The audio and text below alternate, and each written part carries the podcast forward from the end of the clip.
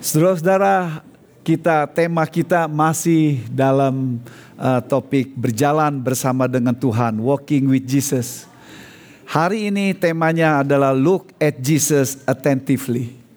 Memandang pada Yesus dengan penuh perhatian. Saudara-saudara, apa yang kita lihat itu mempengaruhi hatimu dan apa yang, yang menguasai hatimu itu mempengaruhi kehidupanmu. Saudara-saudara, Yesus berkata bahwa mata itu sangat penting. Kalau mata kita sudah gelap, maka gelaplah kehidupan.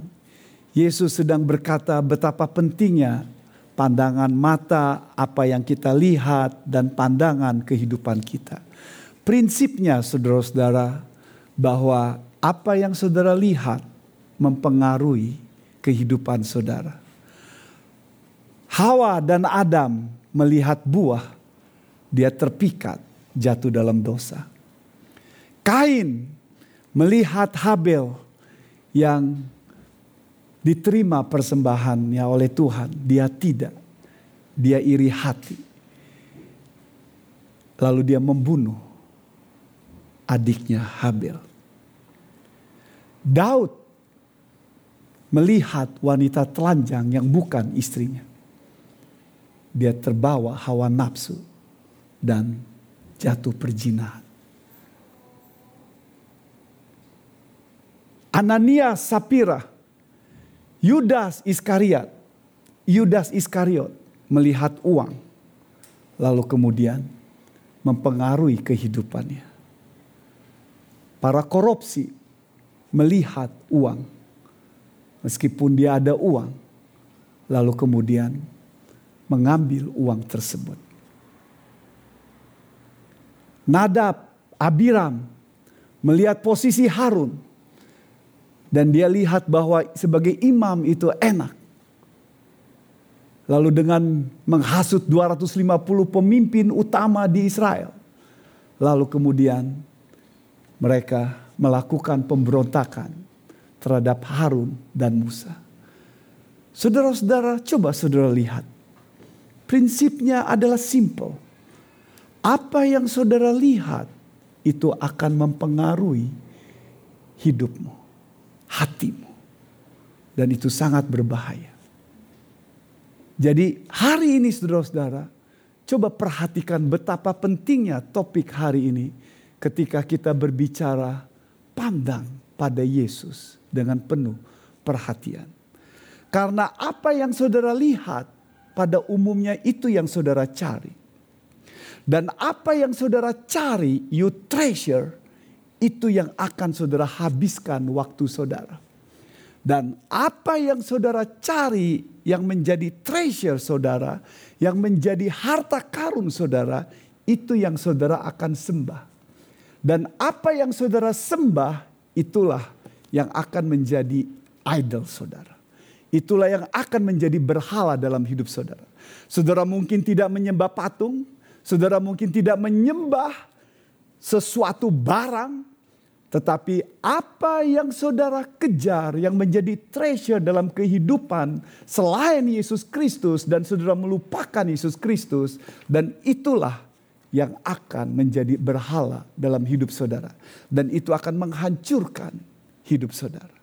Saudara-saudara, jadi penting bagi kita untuk memperhatikan topik ini. Apa yang kita lihat? Look at Jesus, looking at Jesus attentively. Perhatikanlah, pandanglah pada Yesus. Supaya saudara mengikuti apa yang saya ingin sampaikan, saya ingin bahas ini dengan tiga poin utama. Yaitu yang pertama, saya akan memberikan penjelasan tentang apa maksudnya looking at Jesus.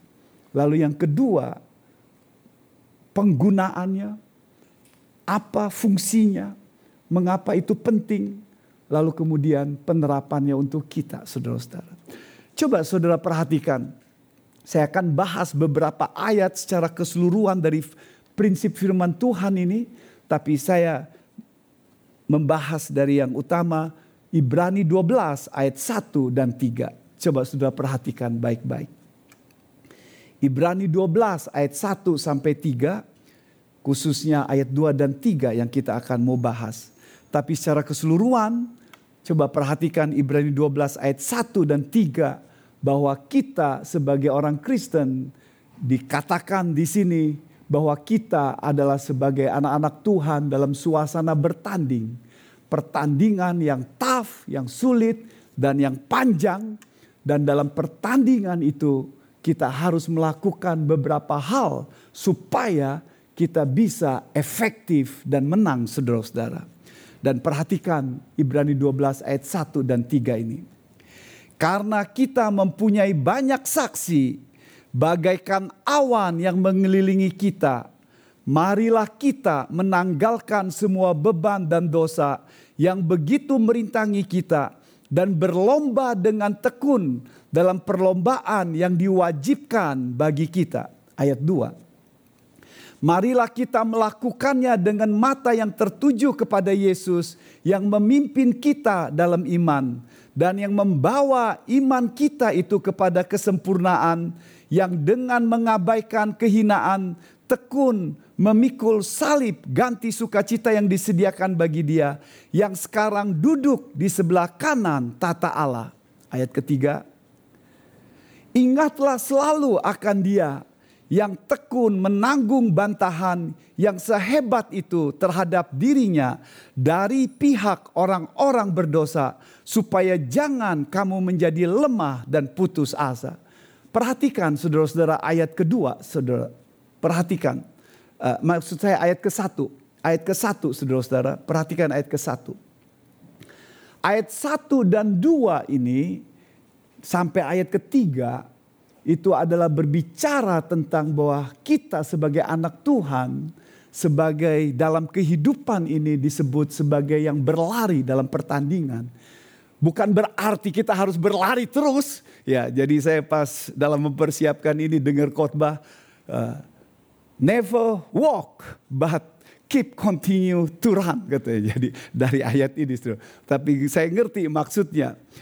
Tapi ayat ini maksudnya saudara-saudara dalam perjalanan kita dalam mengikuti Yesus bahwa kita dalam kehidupan kita dalam nats ini dikatakan bahwa kita seperti dalam perlombaan yang dalam perlombaan yang diwajibkan bagi kita. Artinya dalam kehidupan kita dalam kita mengikuti Yesus Kristus selalu ada yang kita sebut namanya uh, perlombaan itu dan setiap kita berbeda-beda. Perlombaan hidup saya dengan saudara berbeda, dengan satu sama yang lain berbeda. Jadi seperti yang dikatakan di sini yang diwajibkan bagi kita masing-masing. Seperti Papa At kasih tahu sama saya pepatah Tionghoa berkata bahwa setiap keluarga mempunyai catatannya sendiri. Artinya setiap rumah tangga, setiap orang punya beda-beda kehidupannya satu sama yang lain sehingga tidak perlu di, diperbandingkan. Saudara-saudara, dalam nats kita dikatakan di sini bahwa kita seperti berlomba kehidupan Kristen dalam kita berjalan sama Tuhan seperti berlomba. Kalau saudara perhatikan ayat ini banyak kata kerjanya sehingga membuat saudara bingung. Apa tuj apa yang utamanya saudara-saudara. Tapi dalam bagian ini saudara-saudara yang utamanya kata kerja utamanya dari ayat 1 sampai 3 adalah ayat 1 bagian terakhir. Yaitu berlomba dengan tekun berlomba dengan tekun itu adalah kata kerja utamanya. Kata kerja utamanya artinya yang lainnya itu sebagai pendukung supaya kita berlomba dengan tekun. Berlomba dengan tekun itu adalah kata perintahnya saudara-saudara. Jadi ketika kita melakukan perlombaan dalam kehidupan kita yang panjang ini, Lalu dikatakan ada beberapa cara yang harus kita lakukan.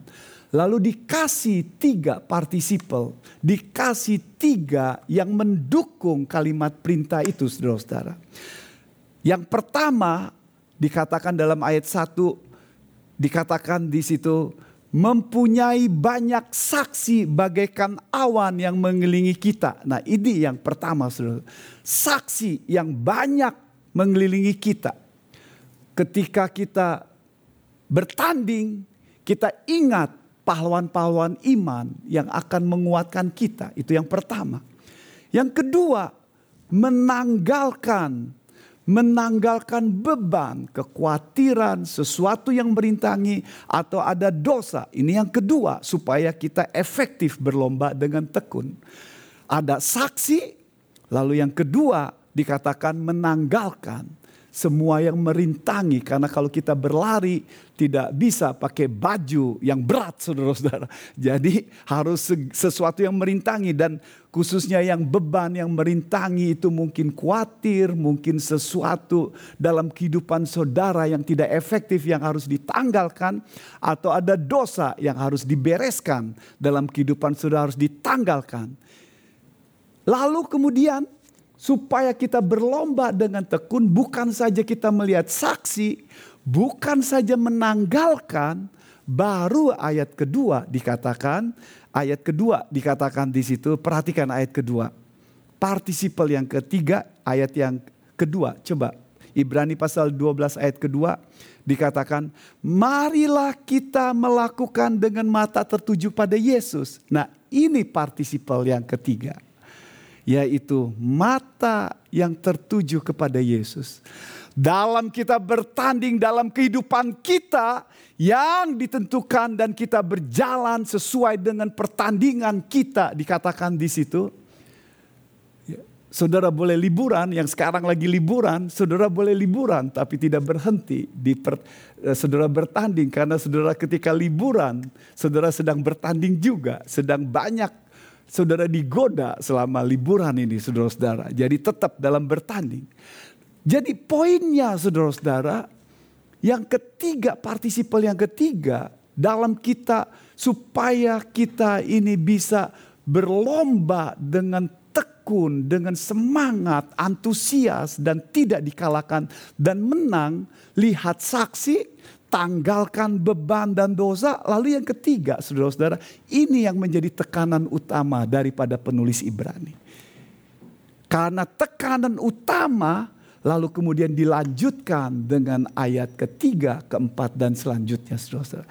Jadi tekanannya, lihat perhatikan ayat kedua sekali lagi. Perhatikan ayat kedua yang diperhatikan di situ, marilah kita melakukan dengan mata tertuju kepada Yesus. Ini saudara-saudara Partisipal yang ketiga dalam kita berjalan bersama Yesus dalam kehidupan ini yang disebut dalam pertandingan itu, marilah kita melakukan dengan mata tertuju pada Yesus.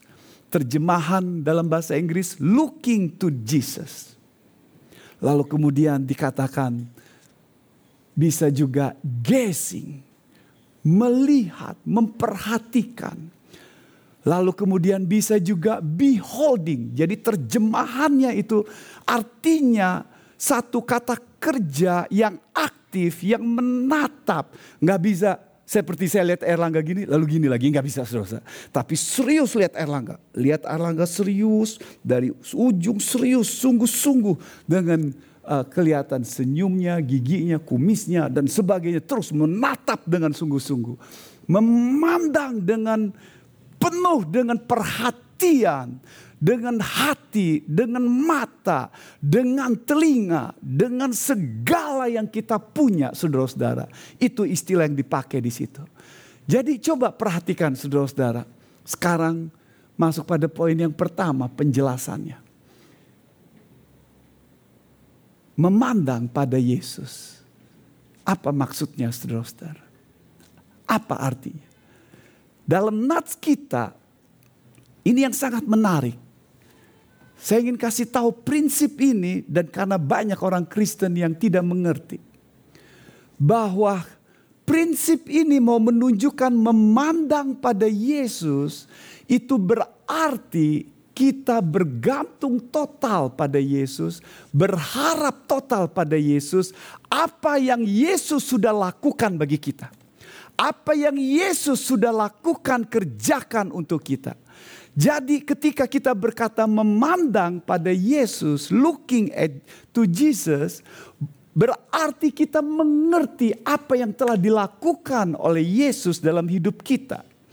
Dan ketika kita mengerti ini akan menolong kita, saudara-saudara, lebih efektif dalam hidup ini. Kekristenan itu berbeda dengan yang lainnya. Kenapa, saudara-saudara? Karena bukan dengan kita melakukan do, kita melakukan sesuatu lalu mengubah hidup kita. Bukan saudara-saudara. Kekristenan base didasarkan pada apa yang Yesus sudah lakukan pada kita dan kita diminta, disuruh, dipanggil untuk fokus pada Yesus Kristus. Apa yang dia sudah lakukan?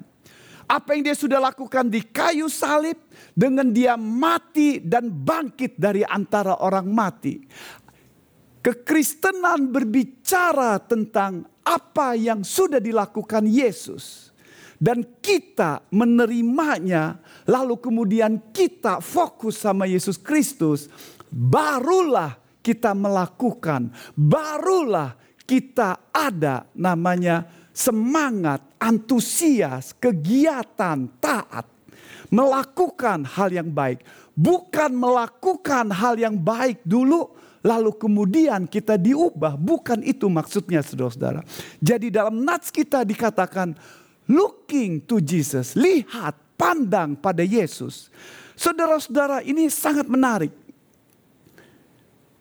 Looking to Jesus, pandang pada Yesus itu berarti saudara-saudara kita melihat menyingkirkan yang lain. Kita melihat pada Yesus dan kita tidak fokus pada yang lain. Dua istilah dari kata looking ini saudara-saudara dari bahasa aslinya. Yaitu apo horoa. Apo yang diterjemahkan kemudian menjadi looking Dua kata.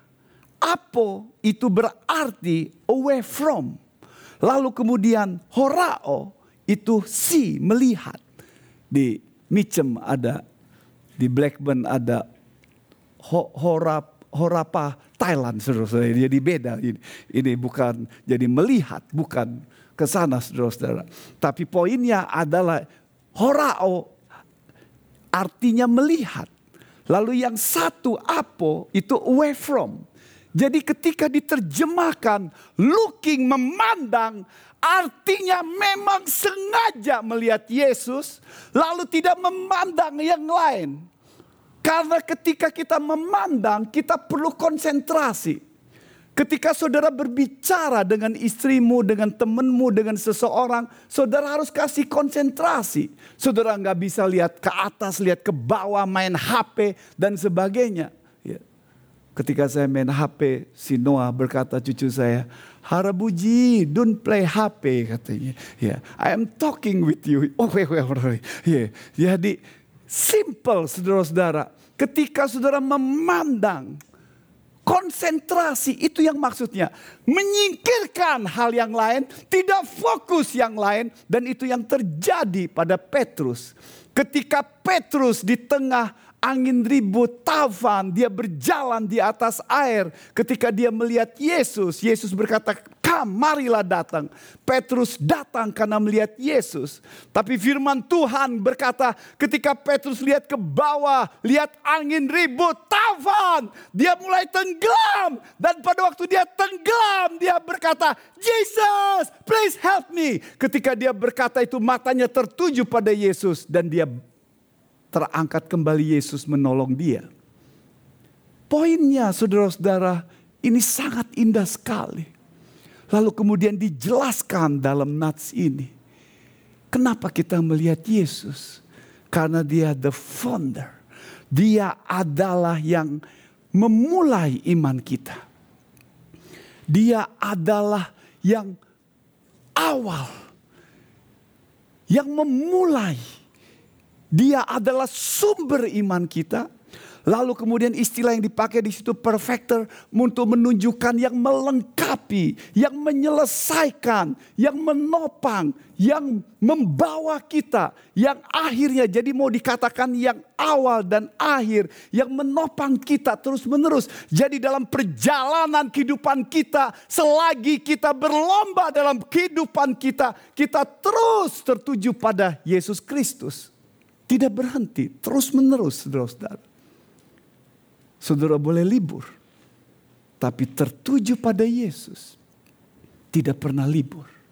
Dan ketika engkau tertuju pada yang lain, saudara akan tenggelam, akan jauh. Apa yang kau lihat akan mempengaruhi hidupmu, mempengaruhi imanmu. Nats kita yang memimpin Yesus yang memimpin kita dalam iman, yang membawa iman yang kepada kesempurnaan. Lalu kemudian Nats itu lihat pada Yesus. Lalu dibandingkan penderitaan Yesus yang tekun memikul salib. Lalu kemudian dikatakan di situ Yesus dilihat bahwa dia meskipun situasi penuh penderitaan tapi ada joy sukacita di depan sama seperti Musa yang dalam Ibrani pasal 11 dikatakan dia mau menderita, dia mau meninggalkan kemuliaan di Fir'aun. Kenikmatan yang luar biasa, tapi mau menderita demi Kristus, demi sukacita di masa akan datang, saudara-saudara. Jadi nats kita mau berkata, hal yang seperti itu menekankan sukacita yang apa yang dilihat di depan. Saudara-saudara, Yesus Kristus dia bertahan dalam penderitaannya. Lalu kemudian yang sekarang duduk di sebelah kanan Allah Bapa, duduk di sebelah kanan Allah Bapa untuk menunjukkan bahwa dia sehakikat Allah. Waktu Yesus datang sebagai manusia, dia tidak punya tata kerajaan sama sekali. Yesus sebagai sang ilahi yang hakikatnya yang ada di masa lampau sebagai Allah anak di masa lampau. Yes, ada hakikatnya. Tapi sebagai manusia, Yesus tidak punya apa-apa Alkitab berkata. Alkitab berkata Matius pasal 28. Yesus berkata, segala kuasa telah diberikan padaku. Artinya pada waktu Yesus mati dan bangkit, dia ada, sudah ada. Kuasa kedudukan itu diberikan, artinya bahwa dia sebagai manusia sehakikat dengan Tuhan dalam bentuknya, saudara-saudara, dan kembali pada yang sama di masa lampau. Di masa lampau, dalam tidak bentuk manusia, dia punya, dan sekarang dalam bentuk manusia, dia sudah punya bersama-sama unity saudara-saudara. Dan ayat duduk di sebelah kanan Allah untuk menunjukkan kuasa sang ilahi sama dengan Allah. Jadi dalam nats ini mari kita lihat pada Yesus Kristus yang sumber iman yang menguatkan kita dan yang sangat berkuasa. Lalu kemudian lihat ayat ketiga. Ayat ketiga saudara-saudara dimulai dengan kalimat yang baru lagi. Untuk menekankan ayat 2 saudara-saudara. Untuk menjelaskan tentang looking at Jesus. Penulis Ibrani pengen menekankan karena dalam suasana jemaat Ibrani yang uh, penerima surat Ibrani ini dalam penderitaan suffering. Kalau saudara baca pasal 12 ayat berikutnya, saudara akan melihat bahwa mereka itu seperti tangannya mulai letih lesu, kakinya mulai terplecok, artinya kerohaniannya mulai pincang, tidak bagus. Lalu kemudian mereka diingatkan, diingatkan untuk fokus melihat Yesus Kristus dan ayat 3 tekanannya ingatlah selalu akan dia Perhatikan. Consider him. Ingatlah selalu. Diterjemahkan dalam bahasa Inggris tidak ada dalam bahasa tidak ada selalu Mengapa itu dalam bahasa Indonesia ada selalu? Karena itu dalam bentuk present saudara-saudara. Karena bentuk present penterjemah bahasa Indonesia ingin menekankan. Consider, pertimbangkan, ingatkan, perhatikan, compare terjemahan literalnya seperti itu. Consider, compare, Perhatikanlah, lihatlah, pandanglah pada Yesus Kristus. Ketika engkau ada masalah, ketika engkau lagi bergumul, lihat pergumulan Yesus Kristus. Ingat selalu yang dia menanggung bantahan yang sehebat terhadap dirinya. Dia dipermalukan, dia ditelanjangi, dia ditombak, dia disalibkan, dia disedemikian diperolok-olokkan, dia diludahi, dicaci, dimaki, dikasih mahkota berduri. Dan kita belum pernah mengalami seperti itu. Dia yang hakikatnya Allah, tapi merendahkan diri dan tidak mempertahankan haknya, saudara-saudara, dan rela seperti itu. Apakah dia bisa? Bisa.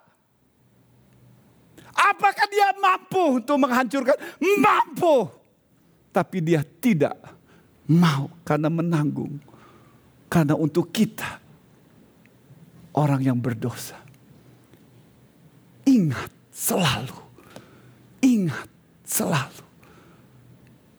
Indah sekali bukan saudara-saudara. Ketika kita memandang ingat Yesus. Kita ada kekuatan Saudara perhatikan ayat berikutnya. Saya ingin kasih tahu tentang penjelasan tentang memandang dan ini yang ditekankan seluruh Alkitab. 2 Korintus 3 ayat 18. Dan kita semua mencerminkan kemuliaan Tuhan dengan muka yang tidak berselubung. Dan karena kemuliaan itu datangnya dari Tuhan yang adalah roh. Maka kita diubah menjadi serupa dengan gambarnya dalam kemuliaan yang semakin besar saudara perhatikan terjemahan dalam bahasa Inggris uh, ke bahasa Indonesianya maksudnya untuk memudahkan tapi terjemahannya perhatikan dalam bahasa Inggris kelihatannya lebih memudahkan saudara untuk mengerti. Beholding beholding 2 Korintus 3 ayat 18 ya. Beholding the glory of the Lord.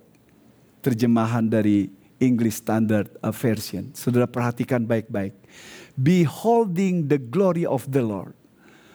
Ayat ini berkata khususnya dalam konteks orang Israel itu ada selubung ketika melihat Yesus sampai sekarang karena stubborn, karena kekerasan hatinya, karena ketidakpercayaan ada terselubung. Jadi ketika dia melihat tentang berita tentang Yesus, mereka tidak mau percaya Yesus Kristus. Lalu kemudian ayat berikutnya berkata, tetapi ketika seseorang itu berbalik pada Yesus, selubung itu dibuka. Lalu kemudian di mana ada roh bekerja, di situ ada pembebasan. Lalu kemudian ayat 18 dikatakan, kita jemaat Korintus yang sudah percaya Yesus Kristus, kita sekarang ini. Kita sekarang ini sudah tidak terselubung melihat Yesus. Karena kita sudah tidak ada selubung. Jadi kita bisa melihat Yesus. Dan ketika kita guessing, ketika kita beholding Yesus Kristus, the glory of the Lord, yaitu Lord di sini Yesus Kristus. Ketika kita melihat seperti melihat dalam mirror, ketika kita beholding karena bentuk beholding itu participle, artinya itu kita fokus pada melihat saudara-saudara. Dan ketika kita melihat kemuliaan Yesus Kristus, kita diubah transformasi. Semakin serupa dengan Yesus. Transform makin serupa dengan gambarnya. Karena Tuhan yang adalah roh yang bekerja untuk kita. Diubah terus-menerus. Semakin kita melihat Yesus Kristus, semakin kita diubah, transformasi. Semakin kita memandang Yesus Kristus, semakin kita berubah. Semakin kita fokus, tenang, memikirkan melalui firman-Nya, semakin kita diubah oleh Yesus Kristus. Apa yang kau lihat mengubah hidupmu. Apa yang kau pikirkan itu akan mempengaruhi hidupmu. Itu prinsipnya saudara-saudara. Cerita di Indonesia seorang pemuda di satu daerah yang biasa lihat pornografi. Lalu tetangganya nenek tua. Lalu nenek tua itu diperkosa saudara-saudara. Apa yang dilihat itu mempengaruhi hati. Jadi ketika kita memandang melihat Yesus Kristus, kita makin diubah. Lalu lihat ayat berikutnya lagi saudara-saudara. Yohanes 15 ayat 4. Ya, Miki khotbah ini, ayat ini saya ingat itu ya. Tinggallah di dalam aku dan aku di dalam dia. Sama seperti ranting tidak dapat berbuah dirinya sendiri. Kalau ia tidak tinggal pada pokok anggur. Demikian juga kamu tidak berbuah jikalau kamu tidak tinggal di dalam aku. Tinggallah di dalam aku. Abide, dwell, tinggal. Ibrani pakai istilah pandang. Paulus pakai istilah beholding. Yohanes pakai istilah dwell, tinggal di dalam Yesus Kristus. Tetap dalam dia, perhatikan dia, karakternya, sifatnya. Lalu Paulus dalam Filipi pasal 2 ayat 5 pakai istilah yang menarik saudara-saudara. Lihat Filipi 2 ayat 5.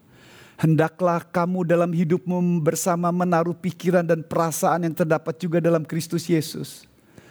Have this mind. Pikiran dalam Yesus Kristus. Dalam konteks itu nasihat untuk orang yang egois. Yang selfish. Yang sombong. Yang congkak. Yang mau menang sendiri. Yang masa bodoh terhadap orang lain. Yang hanya fokus sendiri Paulus memberikan nasihat pada jemaat Filipi yang semangat dalam pelayanan tetapi tidak bisa untuk mengembangkan relasi yang bagus. Dikatakan di situ, lihat pada Yesus Kristus lalu kemudian punya pikiranlah Yesus Kristus. Coba perhatikan, pikiran Yesus Kristus itu mempengaruhi, masuk dalam sanubarimu, dalam hatimu, dalam sikapmu. Lalu kemudian ayat 6 sampai ayat ke-11 dijelaskan. Pikiran Yesus Kristus itu. Yang walau rupa Allah. Dia sehakikat Allah. Tapi dia jadi hamba. Seperti manusia dan mati di kayu salib. Dia tidak mempertahankan haknya. Artinya saudara-saudara ketika pikiran kita seperti dia. Hati kita ada kerendahan hati. Hati kita tidak mau menang sendiri. Tidak self-righteousness. Kita tidak sombong. Kita tidak selfish. Kita seperti Yesus Kristus. Karena pikiran Yesus dalam pikiran kita, hati kita menguasai jiwa dalam diri kita. Lalu kita bersikap, bertindak saudara-saudara. Itu indah. Saudara-saudara, looking at Jesus. Begitu indah. Apa yang Yesus sudah lakukan untuk kita. Dan kita fokus pada dia. Lalu kemudian kita punya pengaruh, efek. Saudara-saudara,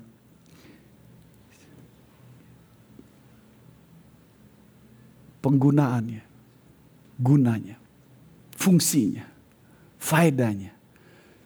Yang kedua saya mau bahas tentang apa sih faedahnya looking at Jesus. Apa faedahnya?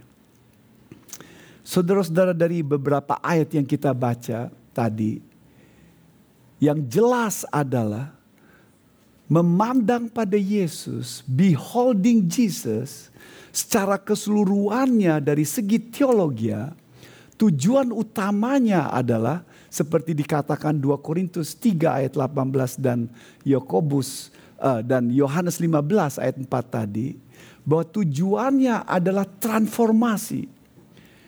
Supaya kita transform, ada transform diubah semakin serupa dengan Yesus Kristus, semakin serupa dengan Yesus Kristus, semakin diubah karakter sifat kita dalam kehidupan kita dalam menghadapi masalah, dalam menghadapi dengan sesama, dalam menghadapi situasi keadaan yang menyedihkan dalam situasi apa pun hidup saudara.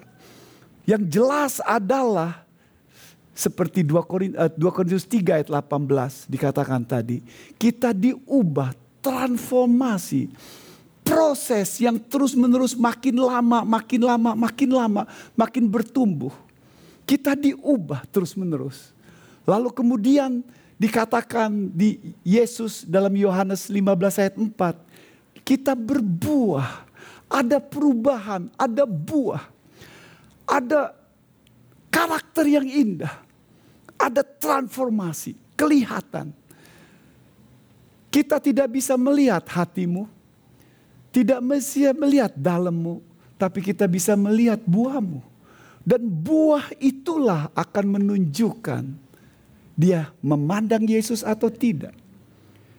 Dan ketika seseorang dwell, tinggal, abide, beholding Jesus, akan terlihat buahnya, karakter Yesus dalam kehidupannya.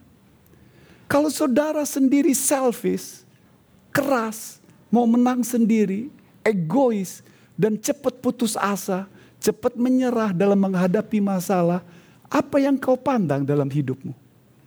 Apa yang kau pandang? Apa yang kau lihat?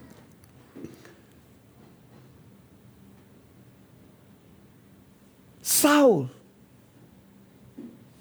sepuluh tahun lebih hanya melihat orang, melihat Daud. Dia melihat dengan penuh iri hati. Iri hati membunuh dia. Tidak ada karya. Poinnya simple, sederhana saudara-saudara.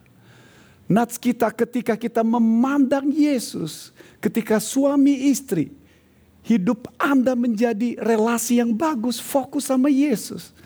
Ketika anak kita ketika hubungan kita satu sama yang lain. Memandang pada Yesus. Dan Yesus menjamah hidup kita. Dan ketika kita sebagai gereja memandang pada Yesus, hal yang sama terjadi. Akan ada transformasi. Makin lama, makin lama serupa dengan Yesus Kristus dalam kehidupan kita, dalam bergereja. Nats kita ada transformasi, ada buah di Filipi pasal 2 ayat 5 ada perubahan karakter yang indah sehingga mereka tidak selfish, tidak sombong dan tidak congkak. Penuh dengan hati hamba. Dan di Ibrani pasal 12 ayat ketiga. Coba saudara baca Ibrani pasal 12 ayat ketiga. Kembali kepada Ibrani 12 ayat ketiga dikatakan tadi. Supaya kamu jangan menjadi lemah dan putus asa Tujuannya adalah dikatakan dalam konteks ini, jangan lemah dan putus asa. Orang-orang yang sedang menghadapi pergumulan, tantangan, masalah yang begitu hebat. Ketika mereka melihat masalah, tantangan, mereka akan capek, lelah. Melihat masalah yang begitu memenuhi pikirannya, nggak bisa untuk bertumbuh, nggak bisa untuk bangkit. Tapi ketika melihat Yesus, ada kekuatan yang baru. Transform seperti Yesus, ada kekuatan baru. Karakter Yesus yang kuat seperti Yesus menghadapi tantangan-tantangan hidup ini, saudara-saudara. Jadi ayat ini berkata, ketika kita memandang pada Yesus, ada fungsinya, ada kekuatan. Saya ingatkan sekali lagi saudara-saudara. Ketika saudara memandang pada yang lain, saudara tidak akan transform. tidak akan kuat, tidak akan berbuah, tidak akan bertumbuh. Saudara akan terbawa oleh arus dalam kehidupan ini. Saya tidak tahu saudara. Mungkin masa lampau saudara menghantui saudara. Kegagalan, frustrasi, atau masalah sedang menghantui hidup saudara. Masa depan, bisnis, suasana COVID-19, atau rumah tangga kita yang lagi sedang ada masalah, atau masa depan kita, kita tidak tahu. Ketika engkau melihat itu semuanya. Kita melanggar apa yang Tuhan inginkan dalam hidup kita. Karena ketika kita walking with Jesus, kita ingin tetap untuk maju bersama Yesus. Dan ketika kita melihat kita bisa seperti Petrus yang akan tenggelam, capek, terbawa oleh arus. memandang pada Yesus penuh perhatian. Kita sudah membahas penjelasannya, kita sudah membahas fungsinya. Sekarang mari kita terapkan dalam kehidupan saudara. Apa artinya untuk saudara? Apa artinya? What for this truth untuk saya dan saudara? Penerapannya adalah memandang Yesus itu memerlukan waktu. Takes time. Takes time. Kasih waktu. Tapi kita tahu manusia suka sibuk. Manusia suka sibuk aktivitas, suka kegiatan. Manusia suka achievement. Coba lagi, coba lagi, coba lagi terus menerus dan tidak berhenti untuk duduk. Firman Tuhan di tengah situasi keadaan jemaat Ibrani ini. Di tengah mereka capek, lelah, bergumul, mulai putus asa, mulai give up. Firman Tuhan berkata, sit, tenang, quiet, renungkan, pertimbangkan, Lihat Yesus Kristus. Pandang. Kasih waktu di tengah your tears. Di tengah-tengah kehidupan saudara. Di tengah pertandingan, di tengah perjalanan hidup saudara yang panjang. Lihat Yesus Kristus. Dan membiarkan Yesus menyegarkan hidupmu. Ketika engkau tidak kasih waktu, engkau akan capek. Kau akan lelah. Kau akan kesusahan, kesulitan, imanmu tidak bertumbuh. Engkau akan menjadi jahat hatimu. Engkau akan menjadi jauh. Tidak ada pengabdian, tidak ada penyembahan, tidak ada pujian, tidak ada ucapan syukur. Yang ada komplain, yang ada menyerah, yang ada kecapean, yang ada adalah putus asa, yang ada adalah ingin melarikan diri. Tapi ketika engkau memandang pada Yesus kasih waktu di tengah kesibukan Anda sebagai suami, sebagai istri, sebagai pekerja, sebagai mahasiswa atau sebagai pelayan Tuhan seperti saya duduk dan membiarkan dia bekerja dan ketika kita beholding, guessing, looking, memandang Yesus, Yesus beri kekuatan bagi kita yang begitu indah dalam hidup kita. Amin, saudara-saudara. Fe, akhir Februari sampai awal Maret kami sekeluarga seperti saudara tahu dapat kesempatan pergi ke Jepang. Dan sesudah itu ada COVID lalu kemudian kita pulang menjaga diri di rumah beberapa eh, sekitar dua mingguan juga.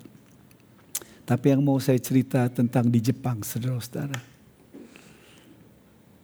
dalam perjalanan kami sekeluarga ada tanjakan, ada jalan yang agak rame, lalu kemudian ada seperti uh, tangga-tangga yang agak tinggi.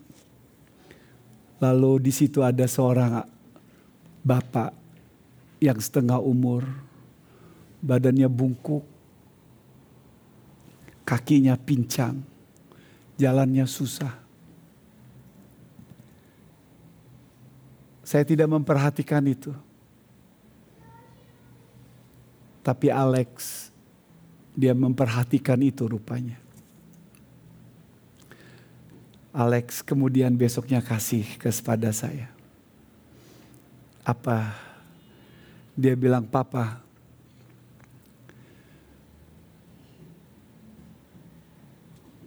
orang kemarin itu yang kita lewati, badannya bungkuk, kakinya nggak bisa berjalan dengan bagus, sudah bungkuk, jalannya nggak bagus. Saya melewatinya, kita melewati tapi tidak kasih perhatian. Alex berkata, Papa katanya, orang itu jalan.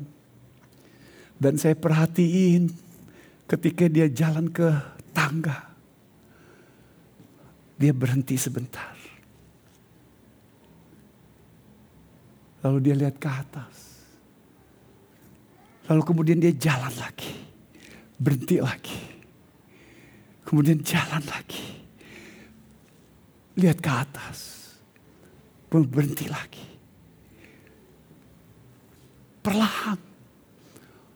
Orang tidak menghiraukan dia. Dan dia jalan tidak mau ditolong. Perlahan. Berhenti. Lihat. Kalau saudara lihat, saudara nggak akan mau lihat karena punggungnya yang begitu bungkuk dan kakinya nggak bisa jalan seperti rupa. Lalu Alex bilang, poinnya ini. Papa katanya, saya pikirin terus menerus dan saya teringat apa yang dikatakan oleh Yesus Kristus khususnya dalam Ibrani 12 ini. Pandang pada Yesus dalam perjalanan hidup kita banyak masalah. Dan Bapak itu selalu lihat ke atas. Mengingatkan saya, Yesus mengingatkan saya katanya lihat pada Yesus. Yang akan membimbing menuntun sampai akhirnya. Dan itu benar saudara-saudara. Pagi ini Mungkin saudara capek, lelah.